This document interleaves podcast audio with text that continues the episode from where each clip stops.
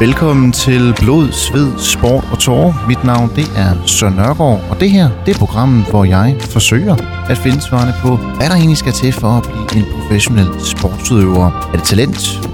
Er det hårdt arbejde? Er det måske en kombination imellem de her to ting? Og hvad skal man også undervejs være klar til at give afkald på jagten for at nå toppen? Hvad betyder ens familie også i jagten på succes? Det er nogle af de spørgsmål, som jeg vil forsøge at finde svarene på, og i denne udsendelse der har jeg besøg af en 22-årig dansk landsholdsspiller i volleyball, startede karrieren i Gentofte Volleyball, tog så turen til USA, og i dag så spiller han i en af verdens allerbedste ligaer, nemlig i Italien for NBV Verona. Han har netop vundet European Silver League med det danske volleyballlandshold, og her der blev han også kåret til MVP, Most Valuable Player. Det er dig, Mads Kød Jensen. Velkommen til dig. Tak fordi du gerne vil være med. Tusind tak, fordi jeg måtte være her. Og Mads, jeg tænker, lad, lad os starte øh, på det, du netop næsten lige har oplevet. Din sæson den er netop afsluttet, og det blev den med, med det danske landshold. I vandt det her European Silver League. Kan du ikke lige tage mig med tilbage til den turnering? Øh, ja, det gik jo rigtig godt, men, men hvad var det for en oplevelse? Det var en, en helt, helt vildt fed oplevelse med, med landsholdet. Øhm, ja, vi spillede den her European Silver League, og vi havde en, en ret kort forberedelse og startede turneringen ud lidt, lidt shaky i de første par kampe. Men øhm, vi får så spillet os helt vildt godt op og ender med at, med at vinde mod, mod al forventning. Øh, vinder, vi, vinder vi finalen. Så, øhm, så det var en, en, helt vild, en helt vild fed oplevelse og en, en rigtig stor præstation af, af vores landshold. Ja, kan du, kan du ikke lige prøve at tage mig med lidt ind til, til folk, der måske ikke så meget ind i volleyballmiljøet? Altså Danmark er jo lidt en, en miniput-nation set i, i volleyball-sammenhæng. Hvor, hvor stort er det her egentlig for, for dansk volleyball? Det er virkelig, virkelig stort for dansk volleyball. Jeg tror, det er første gang, at, vi, at vores landshold vinder noget. Øhm, og ja, som du siger, på verdenskortet, der, der er Danmark en, en rigtig, rigtig lille volleyballnation. Så det, at vi, vi vinder en, en guldmedalje i, i en international turnering, det er, det er kæmpe, kæmpe stort. Og der selv, du, øh, du blev også kåret til MVP, Most Valuable Player. Øh, det er vel et eller andet sted med, bare med til at afslutte den fantastiske sæson, som du har haft. Hvad er det, der, der går så godt for dig lige for tiden? Ja, det, det er svært at sige. Jeg synes, det, det hele går rigtig godt for mig. Øhm, og det er gået rigtig hurtigt. Øh, I den her sæson her har det virkelig, virkelig taget fart. Øhm, det har været min første, min første professionelle sæson i år. Og øhm, ja, og jeg, jeg, jeg ved ikke, jeg, ved, jeg, jeg har svært ved at sige, hvad det er, der, der, der lykkes for mig, men det hele, det hele virker til at lykkes i hvert fald. Men så er det godt, Mads, at du har sagt ja til hen over den næste ja, lille times tid og, og snakke lidt om vejen hen til, hvor du egentlig står i dag netop, som du siger, din første professionelle sæson, den er, den er netop afsluttet. Så Mads, jeg tænker, at vi, øh, vi kaster os øh, lidt tilbage i tiden. Vi skal jo lidt øh, omkring din, din vej ind i, i volleyball, så, så hvordan startede det hele egentlig? Ja, men øhm, jeg startede, da jeg var 10 år, ude i, i Gentofte Volley, og jeg startede, fordi at jeg var en af mine kammerater i, i folkeskolen, som, som hævde mig med til træning og, og spurgte, om jeg ville prøve det, og det ville jeg så gerne. Øhm, og så ret hurtigt fik jeg det ret godt socialt også på det hold der, det ungdomshold, jeg spillede på i Gentofte Volley. Øhm, så jeg har spillet, ja, siden jeg var 10 år, og haft hele min volley, volleyopvækst fra, fra ungdom til, til første hold ude i Gentofte. Øhm, så det er der, jeg har været, været hele mit liv. Du siger jo selv, det er en kammerat, der, der hæver dig med der tilbage så, som, som 10-årig, men hvad var det så for en, for en klub, du kom ind i? Hvad for et miljø kom du ind i? Jamen, jeg kom ind i, altså når man er 10 år, så som det er, når man er, når man er barn, så er man jo mest bare, bare til sport for, for, ja, for sjov, ikke? Det er ikke, det er ikke super kompetitivt, men, men Gentofte Volley, det er et, et super, et super godt øhm, talentmiljø for volley, når man, når man bliver lidt ældre. Så ret hurtigt, da jeg blev en, en 13, 14, 15 år, så, så tog det ret meget fart med, med træning og, og, og sådan nogle ting. Øhm, så hurtigt kom jeg ind i, i et miljø, hvor det var, det var meget træningsintenst. Øhm, så, så det har altid, jeg har altid været i, i, i en rigtig god klub, og Gentofte Volley er også på ungdomssiden i hvert fald øhm, nok en af de bedste, bedste steder at være i, i volleyball i Danmark. Men som, som 10-årig, der tænker jeg, der kan, der kan vel også måske have været nogle andre sportsgrene indover. Øh, gik du så noget andet på det tidspunkt, eller, eller var det fordi, du netop gik og havde masser af tid, kammeraten han lige sagde, Mads, skal, skal du ikke med til volleyball? Jo, men det var faktisk fordi, at jeg, øh, da jeg var, 10, da jeg var deromkring, der, øh, der gik jeg til svømning, og, øh, og det fandt jeg ud af, at det ville jeg faktisk overhovedet ikke. Så øh, det synes jeg, det var jeg rigtig, rigtig træt af. Så jeg, jeg fik lov af mine forældre at, at stoppe til svømning, og så havde jeg ikke nogen sport. Øh, jeg havde prøvet en lille smule fodbold og en lille smule gymnastik, da jeg var, da jeg var mindre. Men, øhm, men jeg havde ikke nogen sport, og mine forældre de ville gerne have, at jeg lavede noget. Så, øh, så det var også derfor, jeg startede. Men hvad var det så, der fangede dig ved, ved volleyballen? Jeg synes, at, øh, at for det første var en, var en utrolig sjov sport, og så tror jeg, at jeg havde det rigtig godt socialt på det hold, hvor jeg var. Øh, og det, det gør bare virkelig meget, især når man er ung, at man, man er glad for at komme, komme til træning, og glad for at komme ud og have det sjovt med sine, sine kammerater. Så jeg tror at i høj grad, at det var det, der fangede mig også, i hvert fald i starten. Og hvad betød det så også, at du netop havde, øh, nu ved der var en kammerat, du i hvert fald kendte, men det der med, at man ikke kom ind og, i et helt nyt miljø, hvor man slet ikke kender nogen? Øh, det betød rigtig meget for mig, at det, at det var et, ligesom et trygt miljø. Øh, og det er meget sjovt, en, en, en sjov historie. Ham, ham kammeraten der, Tobias hedder han, han, øh, han var med nu her i weekenden med, med det danske landshold. Øh, og han var, ja, vi har vokset op sammen og har spillet på samme hold i Gentofte på ligaholdet og sådan nogle ting. Så, øh, og, og vi spiller så stadigvæk sammen i dag på landsholdet. Hvordan er det så egentlig? Altså en, man har, har startet sin karriere med, øh, og så også op igennem hele ungdom, og, og nu i dag på landshold sammen, det er jo også noget af en rejse. Ja, det er, det er en kæmpe rejse det er helt fantastisk. Det er det også det, der gør det, gør det så specielt øh, at spille med landsholdet, at, at det er ens, ja, det er selvfølgelig ens holdkammerater, men det er også ens venner uden for banen, og det, øh, ja, det gør, det gør virkelig meget for, for oplevelsen og gør det helt specielt. Men ham her, Tobias, din kammerat, er det så også en, som, som du øh, igennem årene har brugt til ligesom at, at spare med? Ja, det er det. Øh, både på uden for banen, det er det helt klart. Vi, øh, han, det, har været, det har været virkelig, virkelig fedt at have en, øh, som jeg har fulgt det med. Og han er selvfølgelig ikke den eneste, men, men han er en af dem, som jeg har det med gennem årene, og det, det har været virkelig, virkelig fedt. Nu fik du også lige før sagt, øh, Mads, øh, da du egentlig kommer op og bliver de her 13-14 år, der, der, der bliver det lidt mere og mere seriøst, men, men hvor god var du egentlig til volleyball, da du, da du startede? da jeg startede, var jeg ikke ret god. Øh, og de første par år var jeg heller ikke ret god. Jeg, var, jeg har altid været meget høj, og jeg var klodset, og jeg var langsom, og, og jeg var ikke sådan... Altså, jeg var selvfølgelig okay, men, øh, men det var ikke, fordi jeg var et kæmpe talent. Det var først, da jeg blev omkring de der 15-16 år, tror jeg, at det rigtig tog fart med ungdomslandshold og, og første hold ude i klubben og sådan nogle ting. Men de første par år, der var jeg ikke meget værd. Men hvad var, altså, så det, man kan sige, de første par år, der var det egentlig bare glæden ved at, at komme ud i et godt miljø, hvor man havde det godt med de andre, og man synes det var sjovt? Ja, det, det tror jeg. Men hvad er det så, der sker på et tidspunkt? Er det, er det igen, fordi du får lidt styr, bedre styr på, på armene, motorikken, eller begynder du at træne lidt mere, eller hvad er det, der lige klikker på et tidspunkt? Ja, som jeg sagde før, så ja, jeg begyndte bare at træne, og, og træne rigtig, rigtig meget, og i 7. klasse allerede, der skiftede jeg til en folkeskole, som havde en, en Team Danmark idrætsordning, som, øh, hvor vi havde morgentræning og sådan nogle ting, og det er selvfølgelig ikke så meget, men, men jeg kom ligesom ind i et miljø, hvor, at hvor et sport var, var ret centralt,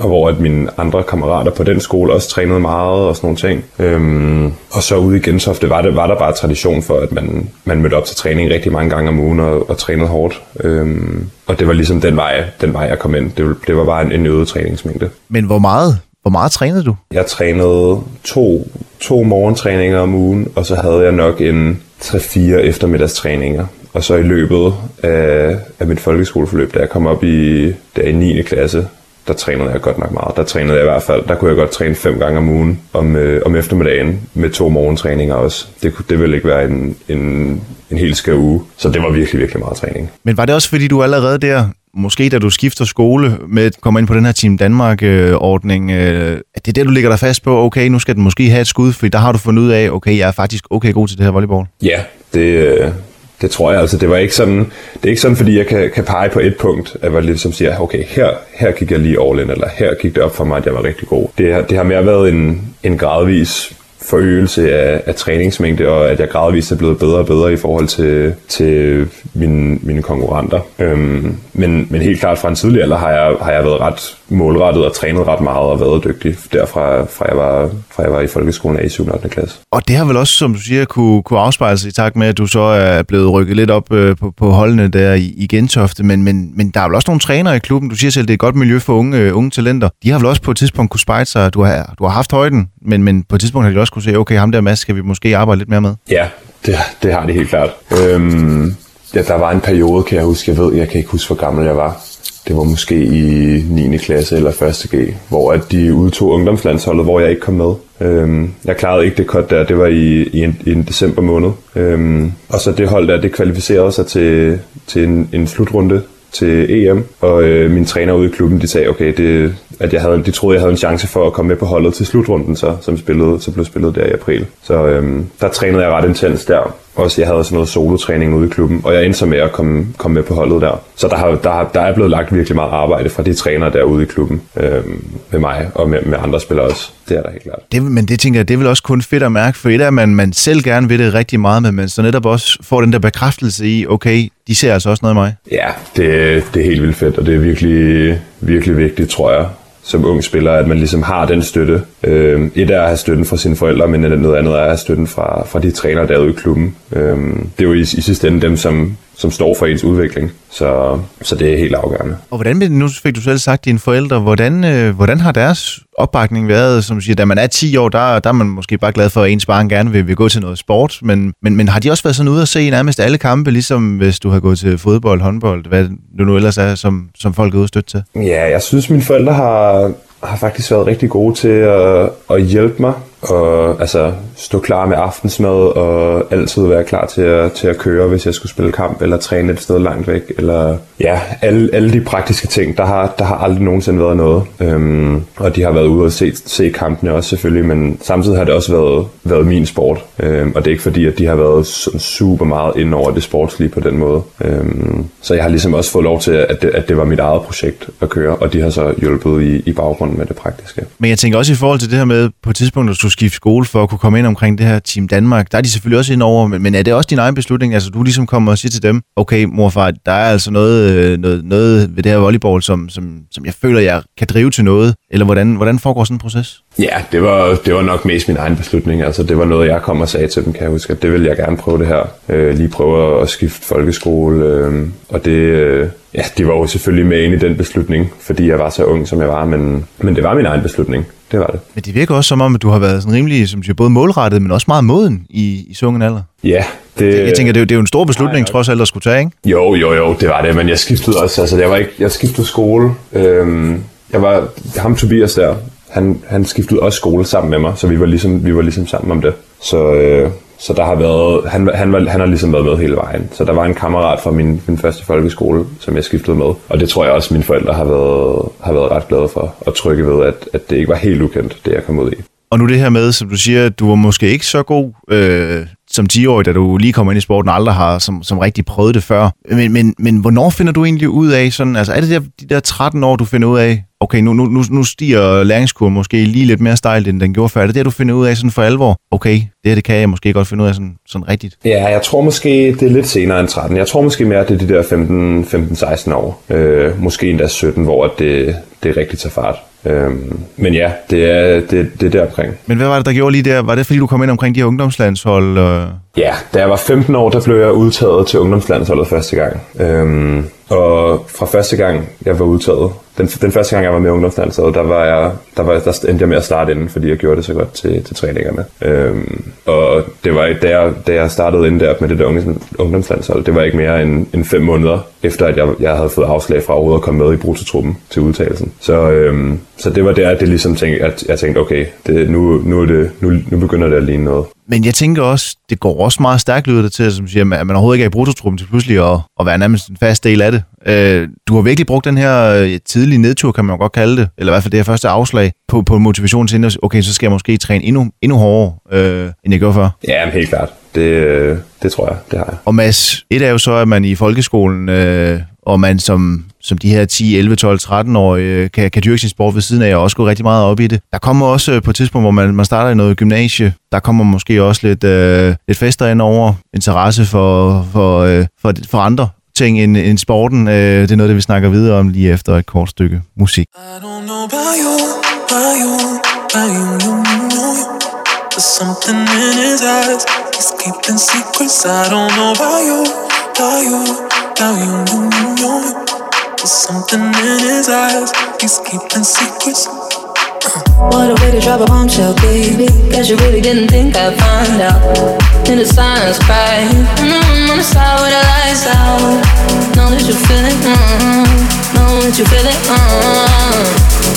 Fuck you in my heart and head.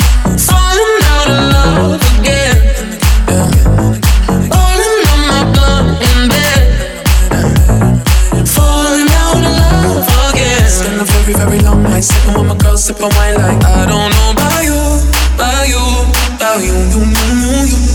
Something in his eyes is keeping secrets. I don't know about you, about you, about you, you, you, you. There's something in his eyes. He's keeping secrets. So.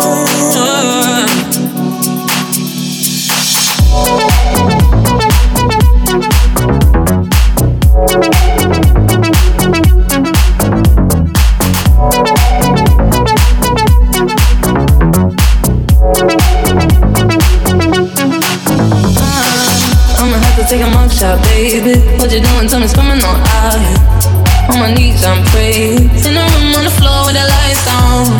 Close in the kitchen, huh? I'ma light it and leave it for you. Fuck you in my heart and head. Falling out of love again.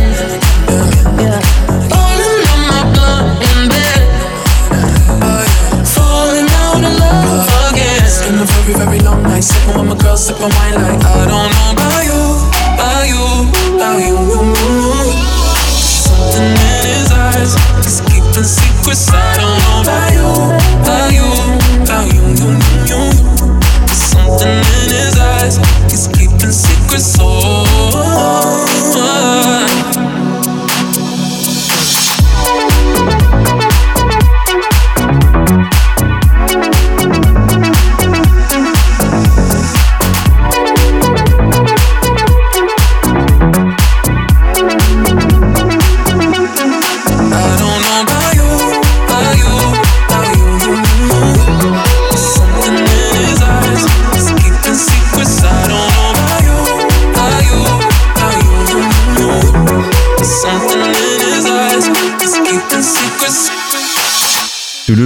til Blod, Sved, Sport og Tårer. Mit navn det er Søren Nørgaard, og i dag så har jeg landsholdsspiller i volleyball, Mads Kyd Jensen med. Og Mads, øh, nu har vi snakket lidt om din vej ind i, i Gentofte som 10-årig, en kammerat, som øh, hævder hævde dig med, fordi du egentlig lige var stoppet til svømning og, og manglede måske en ny sportsgren at kaste over. Det er så en kammerat, som du faktisk har ja, fulgt sad øh, i hele karrieren op til i dag, hvor I begge to er på, på landsholdet. Du har så også sagt, øh, at du måske ikke var den bedste til at starte med. Der var noget motorik, der lige skulle i gang, men øh, læringskurven, den gik hele tiden opad, og øh, ja, pludselig i en alder af 13, 14, 15, så, så tog det sådan for alvor fart. Men det er vel også her i den periode, hvor man, hvor man begynder i, i gymnasiet og begynder måske at, at gå lidt i byen, eller i hvert fald begynder at drikke og, og gå til nogle fester. Jeg tænker, der må vel også, i takt med at du, du virker til at have været rimelig målrettet, målrettet omkring det her volleyball, der må vel også være noget, du har, har sagt nej til? Ja, der har, der har virkelig været mange ting, jeg har sagt nej til. Det har der godt nok. Jeg gik, øh, jeg startede i gymnasiet på Falconergården, øh, på deres Team Danmark-ordning. Der var virkelig heldig at komme i en klasse, hvor at alle andre var, var Team Danmark sportselever, hvor det, det var socialt acceptabelt at melde afbud til nogle af de her aktiviteter til fester og sådan nogle ting. Det var der andre, der gjorde, men, men jeg har virkelig mange gange skulle melde afbud til fester eller misset et eller andet, fordi jeg skulle til kamp eller på træningslejre. Øhm, og det er ret svært, når man går der i gymnasiet og, og gerne vil være med til det hele. Ja, fordi hvor, hvor, svær en balance er det egentlig? Det er en, jeg synes virkelig, det er, en, det er en svær balance at finde. Øhm, også fordi der er nogle ting, nogle sociale ting, som man, som man bliver nødt til at prioritere også, synes jeg, og som jeg også har prioriteret. Øh, galafester og ja, studenterkørsel lidt senere og sådan nogle ting, øh, som skal prioriteres. Men, øh, men det, det er helt vildt svært at finde den her, den her balancegang, og, og når man står i det, så, så ved man ikke rigtig, hvad man skal vælge. Det, det er nok først, når man kommer lidt på den anden side af det, at man tænker, okay, det her, det her var rigtigt, eller det her var ikke rigtigt øh, prioriteret. Ja, fordi når du nu sidder her så, som 22-årig, du spiller til daglig nede i Italien, en af verdens bedste ligaer, og du så sidder og tænker, kigger tilbage nu her på din tid, øh, gymnasietiden, altså er der, er der noget, du fortryder undervejs? Øh, jeg ved ikke, om der er noget, jeg som sådan fortryder. Jeg synes selv, at jeg har været ret god til at finde balancen mellem dedikation til sporten og, og have det sjovt og nyde min, min gymnasietid. Men når jeg sidder og tænker tilbage på det nu, så, så er det fede ved min gymnasietid har ikke været sådan ah, okay, at komme op til en morgentræning lørdag, det har jo været de her fester her, det er jo det, er jo det man husker. Øhm, så, øhm, så det kunne jeg måske godt have gjort en lille smule mere af, men, men så alligevel ikke. Altså, det, det er svært at sige for mig. Jeg synes, jeg, synes, jeg, har, jeg har gjort det ret godt. Øh, jeg har fundet en god balance. Og så tænker jeg også, i takt med, at man så også har, har været ude til de her stævner, og man har kunne, kunne følge sin egen udvikling og, og se, at det, det egentlig er gået godt. Det opvejer vel også lidt okay, men, eller det gør det måske lidt, lidt nemmere, eller lidt lettere, lidt lettere at acceptere, at okay, det kan godt være, at jeg sagde nej til, til festen fredag, men vi vandt så også stævnet øh, lørdag eller søndag. Ja, ja, det har, du, det har du fuldstændig ret i. Det har du helt ret i. Det gør det meget bedre. En anden ting, der har hjulpet mig, det er også, at jeg har haft et virkelig godt socialt miljø på mit hold, øh, også igennem min, min gymnasietid. Så, øh, så det har ikke været fordi, at jeg, jeg ikke har haft det sjovt, når jeg har været ude til kampe eller til træninger, og det, det har også hjulpet mig ret meget. Og så fik du selv nævnt det her med, at øh, du også kom i sådan en, øh, en Team Danmark-linje, øh, hvor det, det var måske lidt mere acceptabelt, når man, når man sagde nej, fordi at de andre vidste godt, jamen okay, det er på grund af hans sport, som han, som han selvfølgelig går all in på. Men det betyder vel også meget kontra, hvis man nu havde været i en almindelig gymnasieklasse, hvor folk måske så lidt mere skævt til en, hvis det var. Ja, Jamen det, det tror jeg, jeg har været virkelig, virkelig glad for det. Øhm, og jeg er stadigvæk venner med, med mange af de, ja, de venner, jeg fik der i gymnasiet. Men det der med, at man bare kan, altså at, at også de andre nogle gange melder afbud, eller skal jeg sige, ej, prøv at høre, jeg, jeg kan ikke drikke i dag, for jeg skal op i morgen, eller jeg kan ikke, jeg er væk i weekenden, eller et eller andet. Og at det er socialt acceptabelt. Det er ikke så meget det der med ikke at komme, men det er mere det der med, at de andre forstår, hvorfor man ikke kommer. Det synes jeg har virkelig, virkelig været fedt. Det er det med, som de kan, de kan sætte sig ind i, i ens hverdag, fordi de, ja, det kan godt være, at de dyrker volleyball, men så har de måske en, en anden sportsgren, hvor de også ja, er nødt til at nogle gange sige lidt nej, og så, Ja, så ved man, hvad det handler om. Lige præcis. Men Mads, jeg tænker også, nu er du kun 22 år gammel, øh, det er stadig en meget ung alder. Øh, hvor hurtigt begynder du at gå fra, fra ungdomslandshold til at komme op på, på A-landsholdet? Øhm, jeg tror allerede, jeg måske er 18 år, da jeg blev udtaget første gang til, til A-landsholdet. Jeg- Det var måske et 3.G eller, eller deromkring. Øhm, så så, så ret, ret tidligt, i en ret tidlig alder, er jeg faktisk, er jeg faktisk øh, begynder jeg at komme med på, på A-landsholdet. Men det betyder vel så også, at du er inde omkring øh, liga, ligaholdet på, eller i Gentofte, også i, i en i meget ung alder?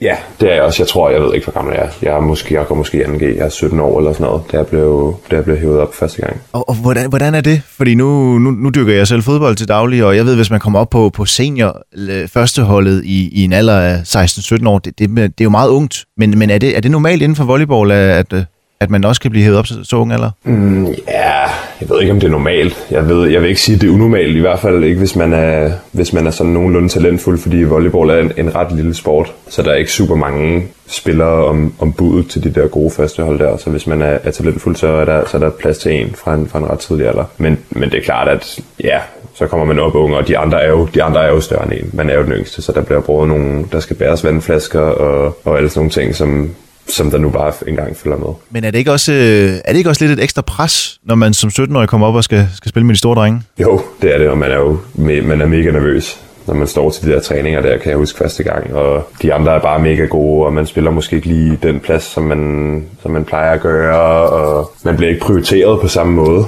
Øhm, som man gør til sine ungdomstræninger. Man er der ligesom for, så for at hjælpe de andre. Så, så det, det, det er ret, ret vildt at komme, komme derop første gang. Ja, fordi hvor- hvordan taklede du det dengang? Altså, som du siger, var det bare at, som du siger, øh, bide, øh, bide, bide tænderne sammen, og, og så arbejde ekstra hårdt, og ja, så lige bære vanddunkene efter kamp, øh, og så stille og roligt arbejde sig op i, i graderne? Ja, det var det faktisk. Det var bare, det var bare at klø på. Og så, øh, så lavede vi en ordning ude i klubben, hvor, at, hvor at jeg fik lov lige, i hvert fald lige i starten at, at spille nogle kampe med, i nogle lavere divisioner og nogle ungdomskampe og sådan nogle ting. Så det ligesom øh, blev udfaset lidt, den, den oprykning. Men det var bare at, at, at give den fuld gas og ja, bide tænderne sammen, som du siger. Og jeg tænker i, igen, i en alder af 17, det er jo igen, øh, udviklingspotentialet er jo, er jo stadigvæk enormt.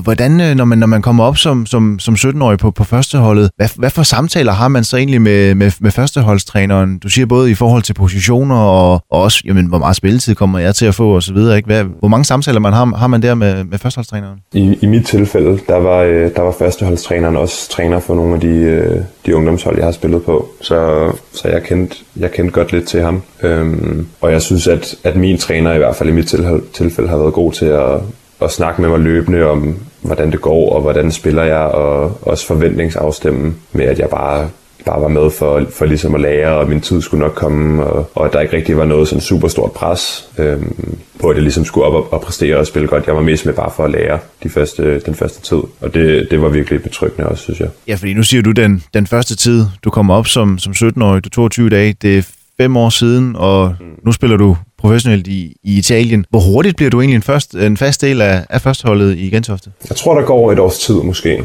måske halvandet.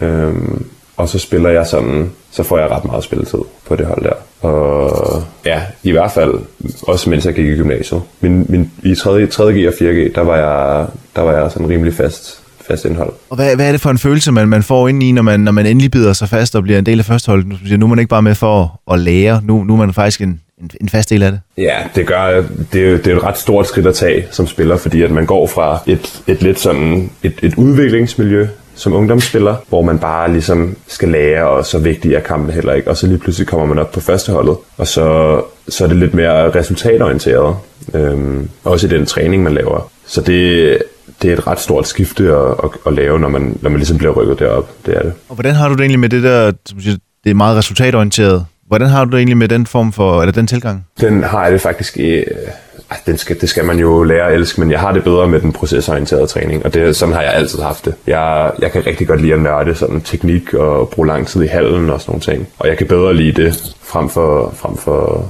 resultatorienteret træning. Betød det så også, at du allerede i der, den, den, for et par år siden, altså brugte du så også ekstra timer netop på det tekniske, når I måske var færdige med, med, med holdtræningen? Øh, Eller er det noget, der er kommet til jer sådan efterfølgende? Mm, jeg ved ikke, om, hvor meget, om, jeg, om der overhovedet har haft mulighed for det, men det gjorde jeg, har jeg i hvert fald gjort øh, senere hen i min karriere.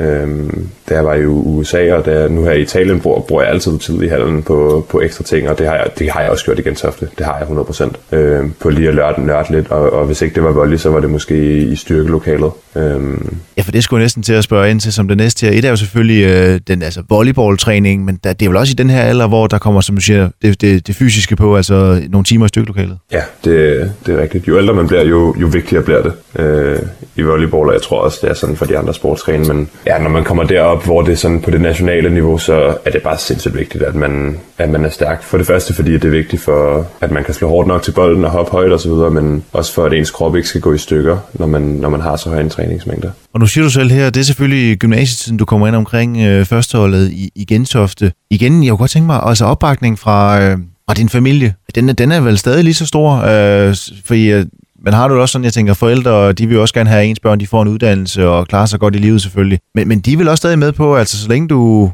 du passer din skole, så, øh, så kan du selvfølgelig også bare spille alt det volleyball, du, du vil. Ja, det, det, det, har, det har du helt ret i. Og mine forældre har altid været, det har været vigtigt for dem, at, at jeg klarede mig, øh, at, at jeg i hvert fald tog min skole seriøst. Øhm, og det gjorde jeg også op igennem gymnasiet. Jeg, var, jeg klarede, mig, klarede mig helt fint i skolen. Øhm, og det fik, men det fik også sagt det til mig, at husk nu, at du skal, du skal også læse lektier. Fordi det bliver hurtigt, når man, når man har sport, og når man starter i gymnasiet, så har man sin sport. Og som vi snakkede om før, så vil man jo også gerne være med til alt det sociale. Så, så det er bare virkelig, virkelig svært at få tid til os at passe sin skole. Øhm, og få nok søvn og alle de der ting der. Der er bare ikke timer nok, nok i døgnet. Øhm, men så mine forældre fik sagt til mig, husk nu at lave de lektier. Ej, der forestiller mig tiden som, øh, som fuldtidsprofessionel nu her, den er, den er lidt nemmere i forhold til, til restitution og alt det ved siden af, og Mads, øh, det skal jeg nok spørge ind til lidt senere, men øh, lige om lidt, så skal vi snakke lidt om øh, dit skifte til USA, men det gør vi lige på den anden side af et kort stykke musik.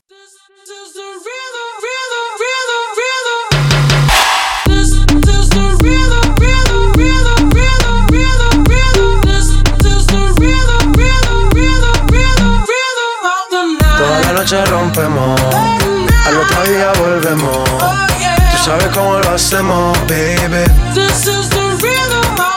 Baby, tonight's like fuego. We bout to spend a dinero. We party to the extremo, baby. Toda la noche rompemos, al otro día volvemos.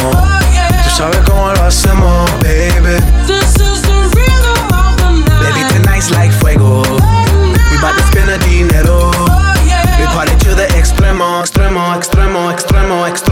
Ritmo.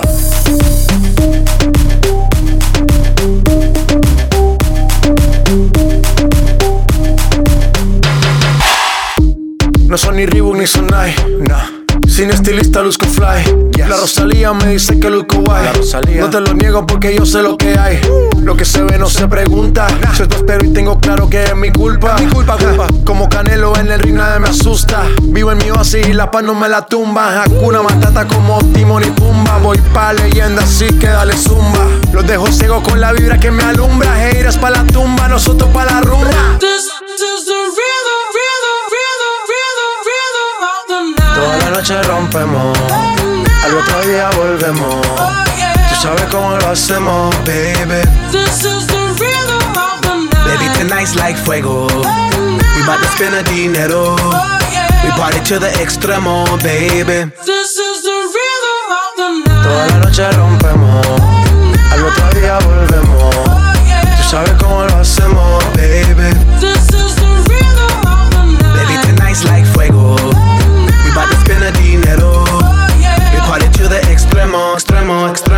extremo, extremo. Ritmo.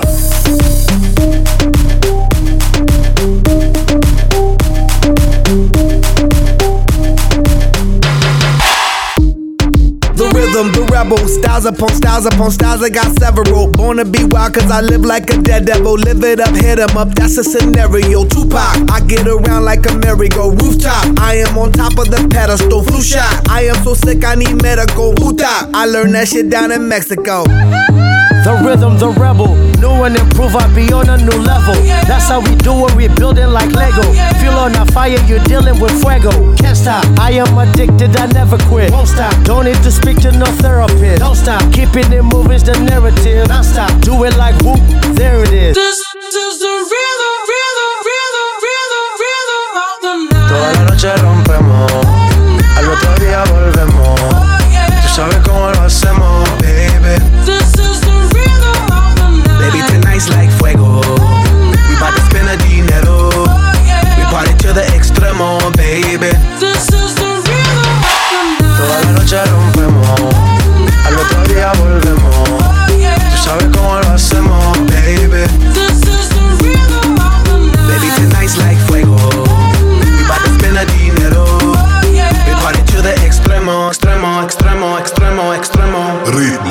lytter stadigvæk til Blod, Sved, Sport og Tår. Mit navn det er Søren Nørgaard, og i dagens udsendelse så har jeg øh, landsholdsspiller i volleyball og øh, årets danske herrespiller 2020, Mads Kyd Jensen med. Og Mads, øh, nu har vi snakket lidt om både din, din vej ind i volleyballen, som startede som, som 10-årig, en kammerat, der, der hævder med. Hvordan du øh, ikke var det største, største talent lige da du startede, men øh, hårdt arbejde, der kommer man jo også øh, rigtig, rigtig langt. Så hvordan det har været at dyrke volleyball på, på højt niveau, når man samtidig også er gået i gymnasiet. De her, den her balance, man skal finde mellem øh, det sociale aspekt, øh, øerne selvfølgelig, og så også at kunne dyrke sin, øh, sin sport på rigtig højt plan. Da du så er blevet færdig med, med gymnasiet, du spiller på øh, Gentoftes første hold, øh, så vælte du her i tilbage i 2019, som jeg lige husker det, og, og tage til, til USA på UCLA.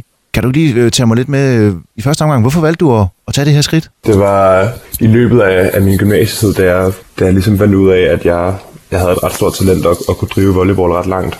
Øhm, der fandt jeg også ud af, at, at jeg ligesom kunne, ja, kunne tage det, tage det til, til USA. Øhm, og grunden til, at jeg, at jeg gjorde det, det var fordi, at jeg, jeg rigtig gerne ville, ville fortsætte med at studere. Jeg har altid været rigtig glad for skole. Øhm, så, så da jeg blev færdig med gymnasiet, havde jeg ligesom valget, tænkte jeg, over at, at tage derhen eller, eller tage ud og spille professionelt, fordi jeg ville, jeg ville fortsætte med at spille volley. Øh, det, var, det var 100% sikkert. Så jeg valgte ligesom at, at opsøge det her i USA, fordi at, at øh, studiemiljøet tiltrak mig rigtig meget. Men, men jeg tænker i forhold til, til volleydelen, og nu må du ikke misforstå mig, fordi jeg tænker selvfølgelig, at der også konkurrence herhjemme, men var det også for ligesom at blive, blive udfordret lidt ekstra måske? Det var det helt klart.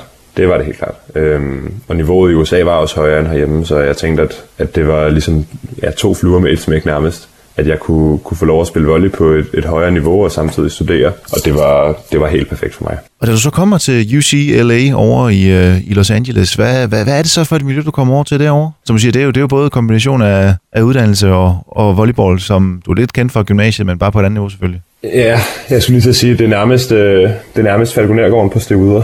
Øhm, det, er, det er mega fedt. Altså, det, det er et helt vildt, et helt vildt professionelt og, og rigtig, rigtig fantastisk miljø at være en del af som, som sportsudøver øhm, på de amerikanske colleges, fordi at der, ja, for det første har de rigtig mange, rigtig mange penge og virkelig, virkelig gode faciliteter, øhm, og man bliver hjulpet af sine trænere til at, til at strukturere sin hverdag, og man bliver hjulpet med skolen, og man bliver hjulpet med det hele. Øhm, så det er et miljø, hvor at, at der bliver givet fuld gas, både med, med bøgerne og med volley. Men hvordan er det alligevel at komme øh, som dansker? Øh, et er at tage til, til USA, det er et helt nyt, øh, det er et helt nyt øh, miljø, du skal over til, men det er også et helt andet sprog, du pludselig skal til at foregå på. Det var, øh, det var overraskende svært. Øh, i hver, også med, med sproget i, i hvert fald. Øh, fordi at, ja, hvis vi nu, nu snakker vi om sproget. Det, øh, det var fint nok at, at snakke engelsk med mine holdkammerater, men så skulle jeg lige pludselig til at lave, lave opgaver på, på engelsk. Det synes jeg var ret svært med, med at finde det der akademiske sprog frem. Og så var det hele det der med at flytte hjemmefra som ja, 19-20-årig, altså ni, ni tidszoner væk fra familie og fra kæreste og øhm, alle, alle ens venner, og, og lige pludselig skulle starte et, et helt nyt liv. Det var en virkelig, virkelig, altså det var virkelig fedt, men det var også en rigtig stor omvæltning. Ja, fordi når, når du på et tidspunkt, øh, mens du er derovre, måske særligt i begyndelsen, og tænke, var det alligevel det rigtige, jeg gjorde, eller er man så fast besluttet på, at igen, det er volleyballen, man gerne vil, og samtidig med bøgerne, at kommer der en form for tvivl? Det tror jeg altid, der gør. Den, den tvivl tror jeg ikke, jeg kommer udenom, men jeg synes egentlig, at, at jeg virkelig var, jeg var faktisk egentlig ret afklaret med, at, at det var det her, jeg gerne ville. Og der var selvfølgelig øjeblikke, hvor jeg, hvor jeg tænkte, okay, er det her er det rigtige for mig? Men, men der, var ikke, der var ikke mange af de øjeblikke. Det var der ikke. Jeg var ret, ret sikker på, at det var, det var det rigtige. Og ellers så tænker jeg, der er det vel igen rigtig godt at have den her opbakning fra ja, både venner, øh, familie og, og kæreste hjemme i, hjemme i Danmark. Ja, den, øh, den er igen altafgørende. Altså, at man kan, man kan lige ringe hjem og, og brokke sig lidt over, hvor travlt man har det, og, og høre, hvordan det går derhjemme, og, og bare få snakket ud. Øhm, og at man har, har nogle mennesker derhjemme, som, som støtter en og vil en det bedste, det er, det er helt afgørende. Det er det. Men Mads, kan du ikke sætte mig lidt mere ind i, i hverdagen over på, på UCLA? Hvor det, altså, nu har man jo man har set det på film øh, rigtig mange gange, de her colleges, øh, hvordan det, det er bygget op. Men hvordan er det i virkeligheden derovre? Øh, ja, hvordan, hvordan var din hverdag, mens du var derovre? Ah, Min hverdag var, var helt, helt utroligt travlt. Jeg havde simpelthen så travlt. En, øh, en normal dag kunne, kunne være, at vi havde, havde vægttræning. Øh, vi trænede tre gange om ugen vægttræning, og det startede altid 6.30 om morgenen. Så, øh, så jeg var op der kvart i 6 for, for at tage til vægttræning, og så trænede vi en times tid. Og så kunne jeg lige nå et, et, en times skole fra 8 til 9, en forelæsning eller et eller andet, og så trænede vi igen foldt klokken, øh, klokken, omkring klokken 10 til klokken 12, halv 1-agtigt. Det gjorde vi hver dag. Øhm, og så var der ellers bare skole der fra, fra eftermiddagen og, og til aften og, og lektier, og så i seng klokken 10, for, for, fordi man skulle op klokken 6 igen næste morgen. Øhm, så jeg havde, jeg havde helt sindssygt travlt. Det havde jeg. Men et er selvfølgelig, det er travlt, men det er vel også super fedt. Ja, det er mega fedt. Og en anden ting, det er jo også det sociale, som man har derovre på de der colleges der. Øhm, og man møder så mange nye mennesker, og, og der, er, der er fest hver weekend, og, og sådan nogle ting. Øhm, og det har, det har virkelig været fedt også, og det var en af grundene til, at jeg valgte det også i første omgang. At jeg ligesom ikke synes, at jeg var færdig med at være ung og holde fest. Øhm, så det var perfekt for mig. Men var det også her øh, på UCLA, du sagde selvfølgelig i Gentofte, der var man måske også igen den procesorienterede, det er egentlig den træning, du, du bedst eller, eller foretrækker mest. Men, men fik du dyrket den endnu mere også, UCLA, eller, eller var der ikke så meget tid, fordi der også var, var skolen ved siden af? Jo, jeg synes, at, øh, at der, var, der var plads til at, at træne, øh, at træne på en, en sund og, og god måde. Øhm, det var der helt klart, men, men på den anden side, så blev jeg også hentet ind som, som, som dansker på et, et lidt dyrt, dyrt scholarship for dem. Øhm, så der var også en forventning fra deres side om, at nu kom der en, en spiller fra Europa, som, som virkelig, virkelig kunne noget, og som de havde sat sig på. Så, så det forventningspres var der også. Og hvordan er det at have sådan et, øh, et forventningspres? Det er okay, så længe man kan leve op til det. Øhm, og det, det følte jeg heldigvis godt, at jeg kunne. Øhm, men det er klart, at der lige, hvis der lige var dårlige perioder eller sådan nogle ting, så var det lige, uha, nu skal jeg måske lige tage mig lidt sammen her. Men, øh, men det synes jeg egentlig, at, at jeg klarede fint nok. Jamen, øh, men er det, er det fra begyndelsen af? Øh, fordi jeg tænker igen, du kommer som helt ny, du kender hverken holdkammerater, du kender ikke stedet, og selvfølgelig kan man, man har haft engelsk i skolen, men, men stadigvæk, man skal være vant til, at nu foregår alt ligesom på engelsk. Altså, går du bare ind fra start, og, og jeg er en fast del af det, eller, eller er der også lige noget tilvænding, man selvfølgelig skal igennem? Der er selvfølgelig en tilvændingsperiode, det er der, men, øhm, men for allerede, altså ja, det var jeg allerede fra første år, øh, fra de første kampe, der, der startede jeg inde på holdet og, og spillede godt. Så, øhm, så ret hurtigt blev jeg, blev jeg fast inventar på det hold der. Og hvad, hvad, med, hvad med træneren eller trænerne? Øh, du siger selv, at faciliteterne var rigtig gode, og man kan virkelig få lov til at gå all in på sin sport, øh, selvom man der også er bøgerne ved siden af. Men hvad, hvad har trænerne derovre betydet for dine udviklinger? De har betydet meget, øhm, og de har betydet meget især, for, fordi de har lært mig også noget om måden, man træner på. Altså med, hvad skal man, ja, hvad skal man spise, og hvor, hvilken indstilling, hvilken mental indstilling skal man have til træning, og hvor meget, hvor meget kan man holde til at træne og sådan nogle ting. Øhm, så det der med ligesom at lære, lære mig selv lidt bedre at kende, det synes jeg egentlig har været mit største takeaway fra USA. Ikke så meget volleyballmæssigt, men mere det der med at, at, at kende mine egne grænser og lære mere om mig selv. Så både, som du siger, selvfølgelig får man også med noget med på, på banen, men, men, men måske mest af alt uden for banen, altså den her form for professionel tilstand alligevel. Ja, jeg voksede så meget det år, fordi at jeg, fordi jeg flyttede hjemmefra til et andet land og skulle balancere det hele og sådan nogle ting. Det, det vokser man virkelig af som person. Så, så helt klart uden for banen, der, der rykkede jeg mig rigtig meget og blev, blev meget mere moden. Øh, Mads, jeg har også lige et, øh, et spørgsmål, jeg er nødt til at stille, fordi man har jo set øh, igen på, på videoer, altså hvis man, ikke, øh, hvis man ikke består sine eksamener til, til sådan noget college her, så kan man heller ikke komme på holdet. Fungerer det også sådan i virkeligheden, øh, eller, eller er det lidt, er det lidt sort-hvidt øh, i film? Nej, det, øh, det er præcis som man ser på film. Det er rigtigt. Man, man skal bestå sine eksamener. Øhm, det er sjovt, hvor meget, hvor meget sådan, et, øh, sådan, sådan film egentlig minder om virkeligheden, synes jeg.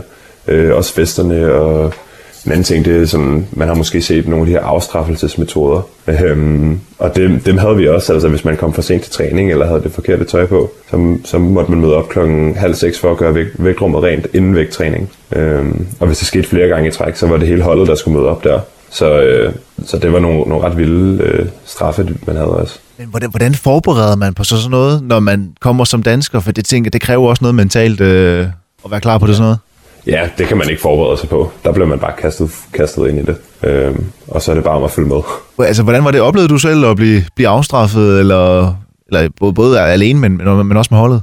Nej, det, det gjorde jeg heldigvis øh, ikke, så vidt jeg husker. Jeg var, jeg var virkelig, jeg var virkelig punktlig, også fordi jeg ville bare ikke have, der skulle ikke, der skulle ikke være en finger at sætte på, på noget af det, jeg gjorde. Så jeg var rigtig, rigtig påpasselig med at overholde tiderne og sådan nogle ting. Men, øhm, men der var mange af mine holdkammerater, som, som ja, så skulle de lige møde der om morgenen for ingen grund skyld, synes jeg. Men øh, det var sådan, man gjorde det. Ja, jeg tænker, når man først har fået sådan en ordre, så, øh, så siger man ikke trænerne imod, fordi så, går, så bliver det bare endnu værre. Nej, præcis. Så får man dobbelt op på den straf der, det er rigtigt. Hvordan, hvordan i forhold til, til kampe? Et er selvfølgelig, I kan træne hver dag og, og, og blive bedre på den måde, men der skulle også spilles nogle, nogle, nogle turneringer, ligesom man, man ser særligt med, med, med baseball og, og amerikansk fodbold derovre. Altså rejste de også USA rundt og, og deltog i forskellige stævner, eller hvordan, øh, hvordan hang det sammen? Ja, men det gjorde vi. Vi var, øh, vi var alle mulige steder henne. Vi var også i Canada faktisk og spille, spille stævne, og vi var i New York, og vi var i Arizona, vi var alle mulige steder henne. Så det var, ja, kæmpe oplevelse at komme og rejse så meget rundt i USA. Øh, og få lov at spille alle de der steder der. Ja, fordi altså igen, jeg, jeg kommer over til at tænke på den der professionelle tilværelse. Selvfølgelig havde du også studierne, der skulle, der skulle klares derovre, men, men, men altså både det der med at rejse og med at have de optimale forhold, og, og jeg virkelig kunne, kunne dygtiggøre sig inden for, om det skulle være skudteknik, eller hvad det nu I skulle springe, eller et eller andet. Altså det, det virker jo stadigvæk meget professionelt. Det var det også. Det var virkelig professionelt. Øhm, og jeg synes, jeg synes, det var så fedt at, at kunne få lov til at, ja, kunne få lov til at give mig 100%. Øhm, og kunne få lov til bare at træne, træne, træne og rejse, rejse, rejse og, og sådan nogle ting. Øhm, det var virkelig, virkelig et professionelt miljø. Det var det. Men Mads, så kom øh, 2020, der kom noget øh, corona, som gjorde, at øh, du havde ikke rigtig mulighed for at rejse tilbage til Los Angeles. Så fik du så et øh, kontrakttilbud ned fra, fra Verona i Italien, og det var pludselig om at blive ja, fuldtidsprofessionel. Så det vil sige farvel til studierne. Men var det, var det et svært valg alligevel? Nu har du sagt, at du var glad for at studere, men øh, når man får sådan... Det var et sindssygt, det var et sindssygt svært valg, fordi jeg, ja, som du siger, så var jeg, jeg var så glad for at studere. Øhm, og jeg havde, jeg havde været virkelig sat, sat mig, havde sat mig selv op på, at jeg skulle, skulle tage min bachelor derover i USA. Og så kom der sådan et helt sindssygt kontrakttilbud ind for højre fra en, en god klub i en af verdens mest kompetitive volleyball-ligaer. Øh, og der kom, der kom penge ind over og sådan nogle ting også. Øh, så der var, der var så mange ting at, at tage højde for, og det var virkelig, virkelig en, en svær beslutning. Ja, fordi hvem, hvem, hvem, hvem rådfører du dig med, når du får sådan en mulighed her? Øh, er, det, er det igen bare forældrene, som du lige vender og drejer det hele med, eller, eller klarer du meget af det selv? Forældrene er meget indover. Øhm, forældrene, mine forældre har været rigtig, rigtig meget indover. Og også fordi de har, ja, de har jo et lidt andet livsperspektiv, måske de er ældre. Så har jeg rådført mig med andre, andre kammerater, og også nogle af mine andre volleyball øh, ja, trænere har jeg ligesom spurgt til råds. Øh, og hørt, ligesom hørt deres perspektiv. Så jeg har haft virkelig mange folk, som jeg har ligesom har spurgt om, om hvad, der, hvad de synes var, var bedst, eller hvad jeg skulle, i hvert fald skulle have med i mine, mine tanker. Men Mads, det endte jo så med, at du øh, valgte at, at sige ja tak til den her øh, toårige kontrakt nede i, øh, i Verona, nede i Italien. Hvordan er det så pludselig at gå fra ja, USA, hvor alt foregår på engelsk, til pludselig at komme ned igen til et helt nyt miljø, der foregår altså bare på italiensk? Det har jo været endnu en omvæltning for mig. Øhm, og som du siger, så foregår alt på italiensk. Og min træner, han snakker rigtig dårligt engelsk. Øhm, og til træning og til taktikmøderne, der, snakker, der foregår alt på italiensk. Så de første øh, to-tre måneder, der sad jeg og var fuldstændig blank. Øhm, og gik de forkerte steder hen til træning også og sådan nogle ting. Øhm, og så blev jeg, jeg blev så nødt til at lære italiensk, fordi at der var ligesom ikke rigtig nogen udvej. Så, øh, så nu snakker jeg sådan, sådan en god samtale italiensk efter, efter et halvt år der. Men det var, det var, også, det var en helt vild kulturel omvæltning, omvæltning også. Ja, for det var næste, det næste, jeg skulle til at spørge ind til. Altså miljøet nede i Italien. Et af det selvfølgelig, nu er det, nu er det fuldtidsprofessionelt, men også netop kul- kulturforskellen. Altså, hvor- hvordan, hvordan er det dernede i Italien? Altså for det første er Italien jo et ret lækkert land at være i. Med, der er god mad og sol, og, og folk tager det stille og roligt. Det, det synes jeg var, det kunne jeg godt lide. Det er ret lækkert. Øhm, og så er der jo det her med træningen, hvor, at, hvor at jeg synes, vi trænede meget i, i USA, og så kom jeg til Italien, og så, så træner vi med altså så sindssygt meget. Øhm, og, man, og man er bare i hallen, fordi så skal man have behandling af fysioterapeuterne, og man skal se video på det næste hold, man skal spille mod. Øhm, så jeg blev, jeg blev også lidt overvældet af, af den træningsmængde, der var. Det må jeg være ærlig indrømme. Det var virkelig, virkelig tungt. Men igen, øh, der tænker jeg også, selvfølgelig, du har, har været vant til at træne meget i, i USA dengang, men der kommer så endnu mere på. Men, men igen, man, man, selvfølgelig er man smadret efter træning, forestiller jeg mig. Men, men man, man kører vel også bare på og hopper på toget, som man siger. Ja, ja, det, det er rigtigt. Man, øh, man følger bare med, og specielt når man kommer derned som sådan relativt, relativt ung spiller, øh, så, øh, så klør man bare på. Der, der skal man bare følge med. Men nu er du også, du er jo også ung, 22 år gammel. øh, Du har de unge, de unge stænger, som man jo siger. øh, Men, men, men stadigvæk det her, den her professionelle tilværelse, nu er du, du afsluttede første sæson dernede. Altså igen, de her ting, du lærte i USA, til at tage med med, hvordan du skulle spise rigtigt, hvordan du skulle restituere, det kan du bare gøre endnu mere nu, fordi nu er der også studiebøgerne ved siden af. Ja, det, det er rigtigt. Altså som professionel, så får man så er det en helt anden måde at, at være atlet på, fordi man kan virkelig bruge hele sin tid på det.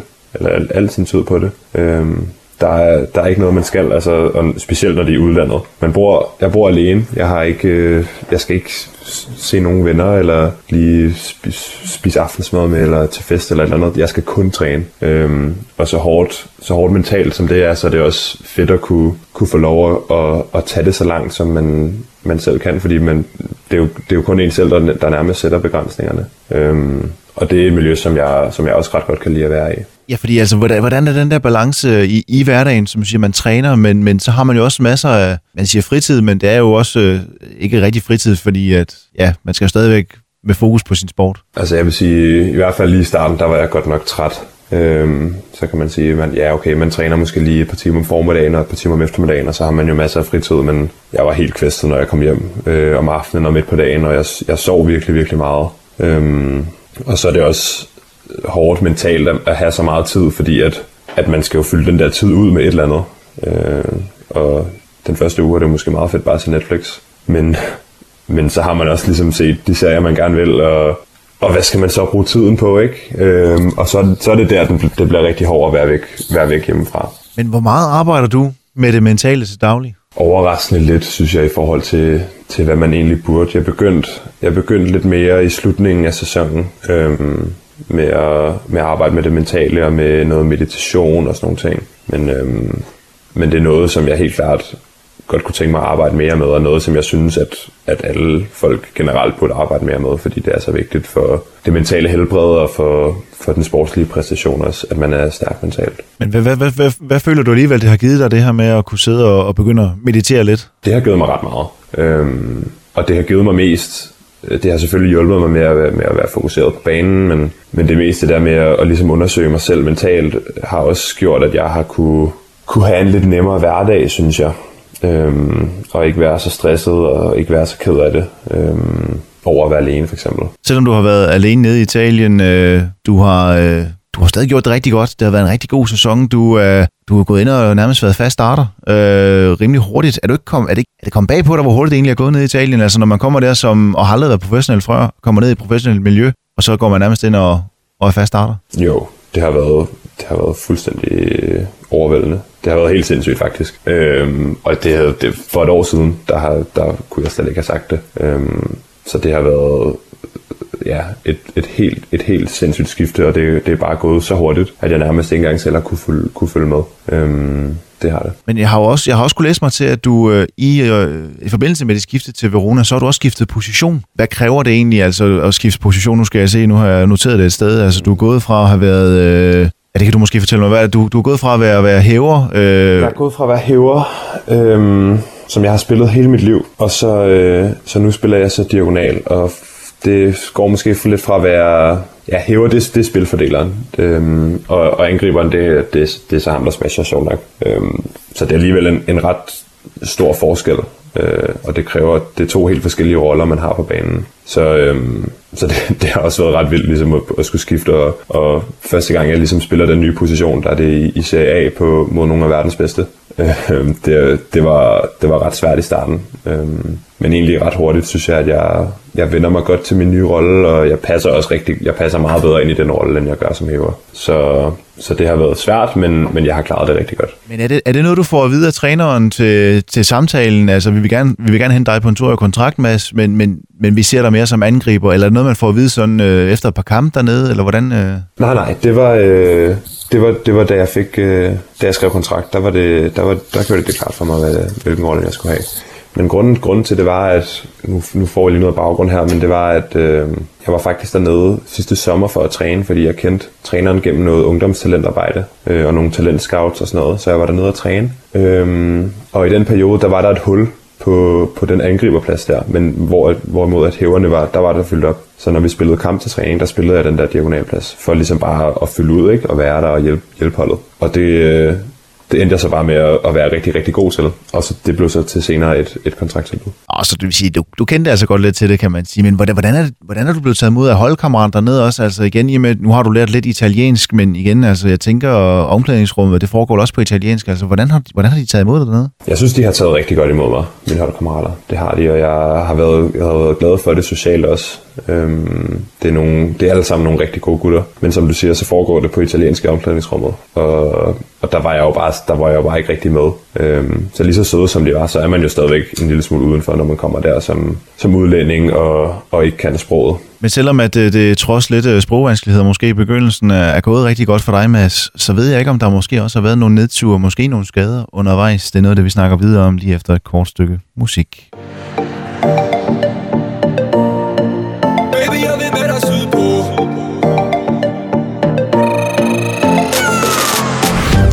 rum eller iskold tequila. Ja, nummer et, den er lidt mere tranquila. Hvis du tager nummer to, lover jeg et killer. Og nummer tre, så bliver det lidt jeg er typen, der kan lide at dele. Sammen med dig har jeg lyst til at smage det hele, ja yeah. Ved det er lidt forkert, men jeg kan slet ikke lade være. Jeg elsker, når jordbær de modner Når isen drøber ned af dig. Når du går i de korte kjoler Og jeg endelig kan dufte dig. Jeg elsker, når jordbær de modner Når isen drøber ned af dig. Får jeg lyst til at tage en lille bid af dig. Baby, jeg vil med dig sydpå. For jeg savner de varme bølger på stranden. Baby, jeg vil med dig sydpå. Snakker ikke om Italien, Lolland og Spanien. Jeg vil meget mere sydpå. Sydpå, sydpå. Jeg vil meget mere sydpå. Sydpå, sydpå. Jeg vil meget mere. Baby, jeg vil have det hele Og du må ikke dele med andre end mig spænd din sikkerhed sele For du er på vej sydpå sammen med mig Det er okay, det er turbulent når det larmer. Men om lidt, der bliver det varmere? Charmer. Jeg ved det er lidt forkert Men jeg kan slet ikke lade være. Jeg elsker, når jordbær de modner. Når isen drøber ned af dig. Når du går i de korte kjoler Og jeg endelig kan dufte dig. Jeg elsker, når jordbær de modner. Når isen drøber ned af dig Får jeg lyst til at tage en lille bid af dig. Baby, jeg vil med dig sydpå For jeg savner de varme bølger på stranden. Baby, jeg vil med dig sydpå. Snakker ikke om Italien, Lolland og Spanien. Jeg vil meget mere sydpå. Sydpå, sydpå. Jeg vil meget mere sydpå. Sydpå, sydpå. Jeg vil meget mere. Jeg vil se verden under vandet. Jeg vil mærke varmen under sandet.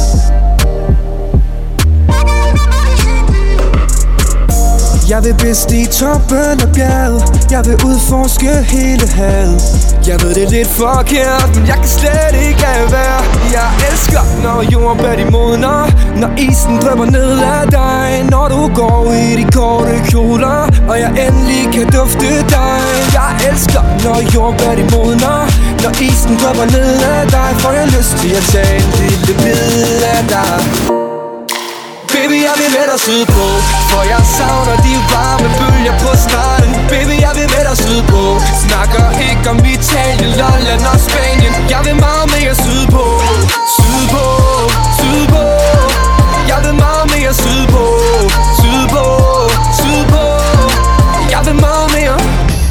fortsat til Blod, Sved, Sport og Tor. Mit navn det er Søren Nørgaard. I dagens udsendelse så har jeg landsholdsspiller i volleyball, Mads Kyde Jensen med. Og Mads, du spiller til daglig nede i, øh, i Verona, nede i Italien, en af verdens allerbedste ligaer. Du har netop overstået din første professionelle sæson. Det er gået rigtig godt. Du er også blevet kåret til øh, årets øh, danske herrespiller 2020 herhjemme. Men selvom det er gået så godt, og det går rigtig godt, I har også lige vundet det her European Silver League med, med landsholdet. Undervejs i din karriere, selvom du kun er 22 år gammel, har der været nogle, måske endda nogle, nogle større skader, øh, eller nedture undervejs, som har fået dig til at tvivle på, om volleyball måske i var, var den vej, du skulle gå? Det, øh, det har der selvfølgelig. Jeg tror ikke, øh, der er nogen atlet, som, som formår at holde sig skadesfri en hel karriere. Og nogle af de skader der, de, de, kan, de kan også slå en ud, hvis de kommer på et, på et forkert tidspunkt. Jeg kan huske, at jeg har, jeg har forstået en ankel lige inden en, en vigtig landsholdstur, og jeg har haft nogle, nogle knæproblemer, øh, noget overbelastning, som har gjort, at jeg ikke rigtig har kunne træne på samme niveau. Øhm, men jeg har ikke rigtig faktisk haft nogen øh, store akutte skader på den måde. Som jeg, har ikke, jeg har ikke haft nogen korsbåndsskader eller revet noget over i min ryg eller i min skulder eller noget som helst. Det har mest bare været overbelastning i mine knæ og så et par forstuede ankler. Men når man alligevel har de her skader, hvordan holder man så humøret oppe? Jeg ved godt, som du siger, det er ikke de her, som holder dig ude et helt år, øh, for eksempel. Øh, men, men, men hvordan holder man alligevel humøret op, når man kommer igennem de her skader? Øh, det er virkelig, virkelig svært at holde sit humør oppe, men, øhm, men man må ligesom bare ja, se, øh, se tingene i, i, de større, i det større perspektiv, og så skal man huske, at man, man ikke skal lade sin sport definere defineres, definere sin person. Øhm, selvom man, man får en skade og misser en, en vigtig kamp eller et eller andet, så, så, er det, så er det bare volley. Det er bare sport. Det, det, skal man, det skal man huske at sige til sig selv nogle gange, når man får de her nedture. Det behøver ikke kun være med skader. At, øh, at der også er andre og, og, og, og andre vigtigere ting, øhm, som, som er gode i ens liv. Øhm, så, ligesom at, så ligesom at give det noget perspektiv, det, det er det bedste råd, jeg vil kunne give. Men et er selvfølgelig skaderne. Du har også tidligere sagt, øh, vi kan kalde det nedtur, da du, da du for eksempel ikke kom med til prototruppen til, til den her, øh, til den her EM-kvalifikation øh, tilbage i ungdomstiden. Jeg tænker, det er ikke den eneste nedtur, der må have været, men, men er du også god til at bruge de her nedture, der har været undervejs til, altså som ekstra motivation til bare at sige, jamen jeg skal vise dem, jeg er, jeg er god nok? Ja, det, det synes jeg faktisk er. Øhm, og jeg meget, men meget sådan bare, bare for mig selv egentlig. Det er ikke noget, jeg sådan, ah, så går jeg og deler det med andre, eller viser det helt vildt meget, men, men jeg synes, jeg er god til sådan at, at, at finde den der indre motivation, også når det går dårligt, og, og blive ved med at klø på. Det har jeg altid været god til. Og hvad nu her for eksempel, hvis vi tager udgangspunkt i, i din nuværende situation nede i, i Verona? Du er, øh, du er fast starter, men, men hvordan startede det dernede? Altså, gik du ind og var fast starter nærmest fra begyndelsen, eller skal man også lige kæmpe sig ind på holdet? Nej, man skal kæmpe sig ind på holdet. Det skal man. Men, øhm, men ja, der, jeg, var, jeg, var, jeg var fast starter fra begyndelsen. Det var jeg faktisk. Jeg kom ned og, og gjorde det så godt, at, at jeg blev sat i startopstillingen stort set med det samme. Øhm, og så er det jo også om, at man, man ligesom skal... Så bliver man sat ind, og så skal man jo også bevise, at man hører til på den bane der, ikke? Og at man ligesom kan spille godt. Øhm, men ja, det, Ja, for jeg tænker, det giver vel både selvfølgelig som siger, det der pres, man kommer som ny spiller, og man ryger nærmest i startopstillingen fra begyndelsen, så man skal virkelig også vise, man er, at, det er værd. Men det giver vel også bare noget ekstra motivation til ligesom at, at sige, nu, har- nu har jeg fået pladsen fra start, men, men I andre træner hårdt. Jeg skal også træne lige så hårdt for at beholde min plads. Ja, ja, det er det. Øhm, og man kommer derned, og det, det er sådan, sådan tænker man, når man kommer derned for ung de første par måneder, der, eller de første par uger måneder, der tænker man bare, okay, nu skal den bare have 1000 procent, og jeg skal bare træne, træne, træne, træne, træne, og, og holde min, min startplads. Øhm, så det er en helt sindssyg energi, man har der, når man, når man netop får tildelt sådan en plads der. Også fordi det er noget, som jeg i hvert fald har gået og tænkt på i mange år, at okay, en dag, hvis jeg kunne spille i Italien, det vil være målet. Så har jeg, så har jeg ligesom klaret det. Øhm, og så står man der, og så, skal man, så vil man bare gøre alt for, for at beholde sin plads der. Du står der nemlig, Mads. Du har øh, indfriet drengedrømmen, men jeg tænker, der nok er kommet andre mål også, og jeg tænker, vi kunne snakke videre i, ja, måske en hel time mere, men vi nærmer os altså afslutningen på, på dagens udsendelse. Og her til sidst, Mads, så kunne jeg godt tænke mig, om du måske har øh, et råd, som du vil give videre til, til unge, som øh, måske lige nu står som 10-årige og er begyndt til, til volleyball og, og ser op til sådan en som dig. Hvad er det bedste råd, du kan give videre til, til unge spillere? Det bedste råd, jeg kan give videre, det er, at man, man skal huske at have det sjovt med det, man laver. Øhm, hvis ikke man har det sjovt med det, så, så kommer man ikke særlig langt. Øh, og så, så har man heller ikke den her vilje, vilje til, at, til at træne. Så, øhm, så hele tiden find, find glæden i sporten, og, og hvis ikke den glæde er der, så skal man, så skal man huske, at, så skal man gøre alt for at finde den, eller så skal man, skal man lige øh, genoverveje. Og Mads, det synes jeg er et øh, dejligt, fantastisk råd at give videre her til slut. Så vil jeg sige, øh, sige mange tak, fordi du var med i, øh, i den her udsendelse, og så må du have ja, fortsat rigtig meget held og lykke med, med karrieren. Tusind tak.